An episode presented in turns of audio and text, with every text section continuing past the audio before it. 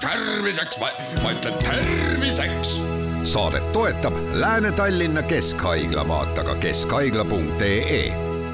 tere, head Kuku kuulajad, eetris on saade Terviseks ja me räägime täna elustamisest. mina olen Ingela Virkus ja koos minuga on stuudios Lääne-Tallinna Keskhaigla juht ja erakorralise meditsiini arst Arkadi Popov, tere! tervist!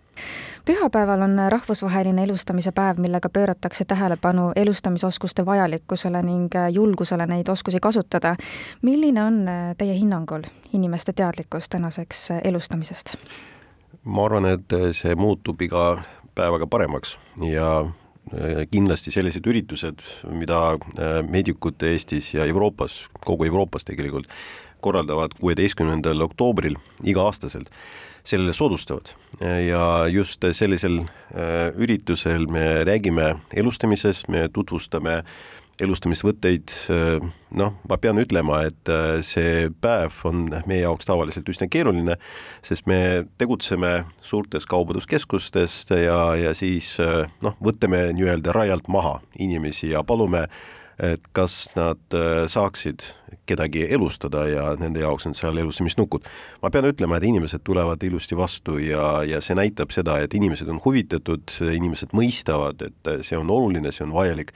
ja see teeb meedikutele rõõmu seal äh, pühapäeval siis on teil nukud, aga kui on päris inimene, et kuidas teile siis tundub, et kuidas nende oskuste kasutamisega on, et julgetakse reageerida ja sekkuda, et mulle tihti tundub, et pigem ikkagi inimene, eriti eestlane, läheb kuidagi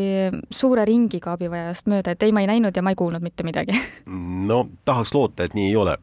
Äh, kõigepealt äh, peab defineerima, kus kohas juhtuvad needsamad surmad, millest me räägime klassikaline koht, mitte ainult Eestis, aga igal pool maailmas, klassikaline koht on äh, meie kodu. Ja see tähendabki seda, et äh, klassikalises olukorras, kuivõrd kurb see ei oleks, aga kui tekib kellelgi läks surm, siis lähedane sugulane on just seesama inimene, kes peakski appi tulema ja, ja miks ongi vaja õppida, miks on vaja ennast koolitada ja trennida? Just selleks, et päästa oma lähedast, selleks, et kriitilises olukorras olla kohal ja, ja inimene oskaks esmaabi osutada. Ja, ja no teised olukorrad, millest te just rääkisite, et jah, võib-olla avalikus kohas inimesed seda pisut pelgavad, muidugi pandeemia sellele soodustas ja inimesed pisut ärivil, äh, nakkusoht on see, mis äh, tõesti valitseb praegu,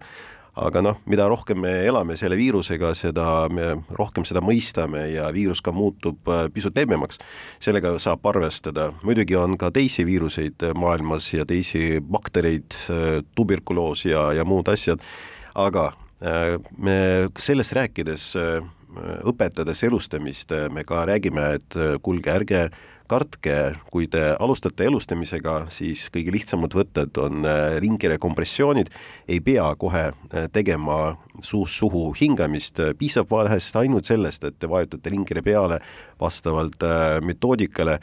ja muidugi avalikus kohas, äh, mille peale alati tasub mõelda, see sõltub sellest, kus juhtus, aga näiteks kaubanduskeskused, lennujaamad, äh, mingid äh, spordihooned, see on automaatne väline defibrillaator, šokimasin, mida saab kasutada ja rakendada enne seda, kui kiirabi jõuab kohale. Oskate te öelda, kui palju näiteks möödunud aastal esmaabi on vajatud? Äh, keskmiselt Eestis äh, registreeritakse umbes seitsesada äh, äkksurmajuhtu, kui kõrvalviibija võib seda pealt näha ja kui kõrvalviibija saab aidata, circa seitsesada. kogu Euroopas, see on tegelikult päris kohutav number, mida ma ütlen välja, aga seda näitab statistika, Euroopas iga päev sureb circa tuhat inimest äkksurma ja, ja see on selline klassikaline kahjuks statistika, mida me näeme aastast aastasse äh, mida äh, rohkem riik äh, areneb, seda vähem seda esineb. küsimus seisneb profülaktikas, äkksurma profülaktikas, küsimus seisneb selles, kas inimesed ennast lubavad tuurida perearstide juures, kardioloogide juures ja, ja saaks välistada, vältida äkksurma. see profülaktika seisneb eelkõige selles, et inimesel süda on terve, inimesel ei ole infarkti, ei ole infarkti ohtu ja samas peab meeles pidama, et kui me räägime äh, ateroskleroosist ja me räägime kardiovaskulaarsetest äh, riskifaktoritest, siis näiteks meestel selline kriitiline aeg, noh, ei saa öelda superkriitiline, aga ikka kriitiline aeg algab juba kolmekümne viiendast eluaastast ja edasi. nii et noh, siin tasubki mõelda, et kas me käime regulaarselt perearsti juures ennast kontrollimas, kas me kuuleme oma südant, mida ta siis teeb eh, füüsilise koormuse juures, eh, kas me tunneme, et rinnus tekib mingi pigistav tunne, eh, vahelöögid, mis iganes nõrkus, mis järsku ja külmhigi, mis tekib selle kehalise koormuse foonil, need on kõik sellised esmased sümptomid, et midagi on korrast ära. Ja kui nendega pöörduda oma raviarsti poole ja lasta ennast uurida, siis see on üks äkksurma profülaktika viis. Lisaks äh, sellele, mis te praegu nimetasite ja üles lugesite, äh, millised on veel need olukorrad, kus inimene, inimene vajab kohe abi, et äh, kus tema elu on tõsises ohus? Jah, et noh, nii nagu me ütleme, klassikaline killer number üks ongi südamelihase infarkt ja see on kardiaalne äkksurm, äkksurm, mis on tingitud vereringe seiskusest, mille algpõhjuseks on südamehaigus see on klassikaline probleem ja, ja kõige äh, suurem äh, äh, riskiallikas. teiselt poolt on muidugi ka teisi faktoreid, on, et siin mängus on ka traumad kui me räägime eks surmast, äh, need traumad äh, ei ole alati liiklusõnnetused, kukkumised kõrguselt, aga ka tegelikult kui võrkeha satub hingamisteedesse, see on ju ka trauma. kui inimene upub, see on ka trauma, nii et mürgistused, kõik sellised asjad, mis soodustavad selle, et inimesel tekib teadvuse kaotus ja komatoosne seisund ja võib esineda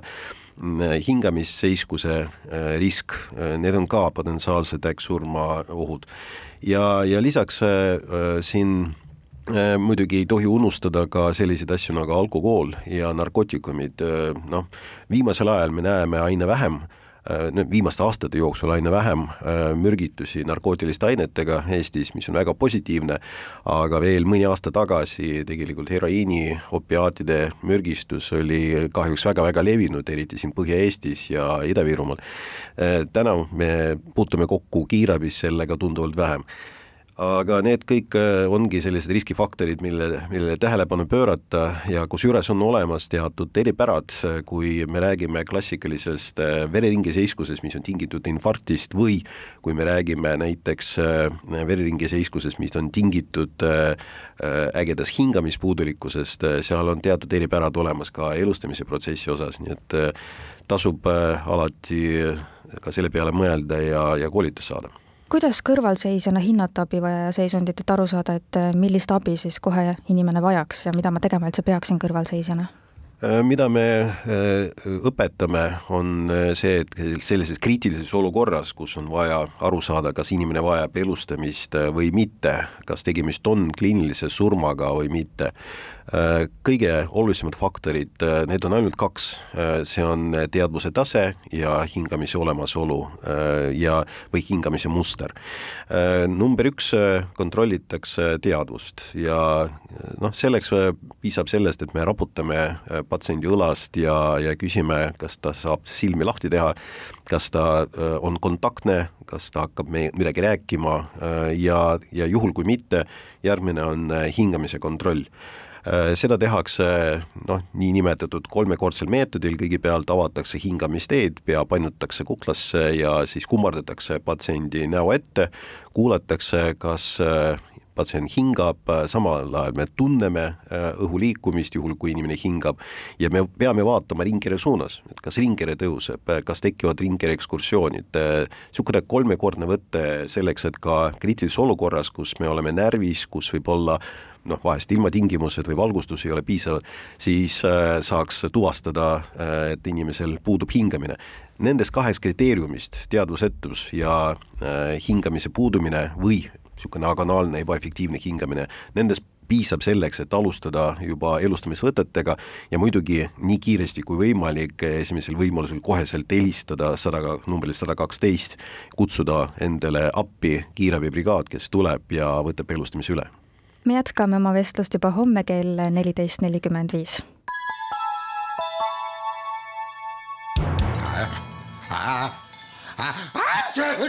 terviseks, ma ütlen terviseks. saadet toetab Lääne-Tallinna Keskhaigla, vaata ka keskhaigla.ee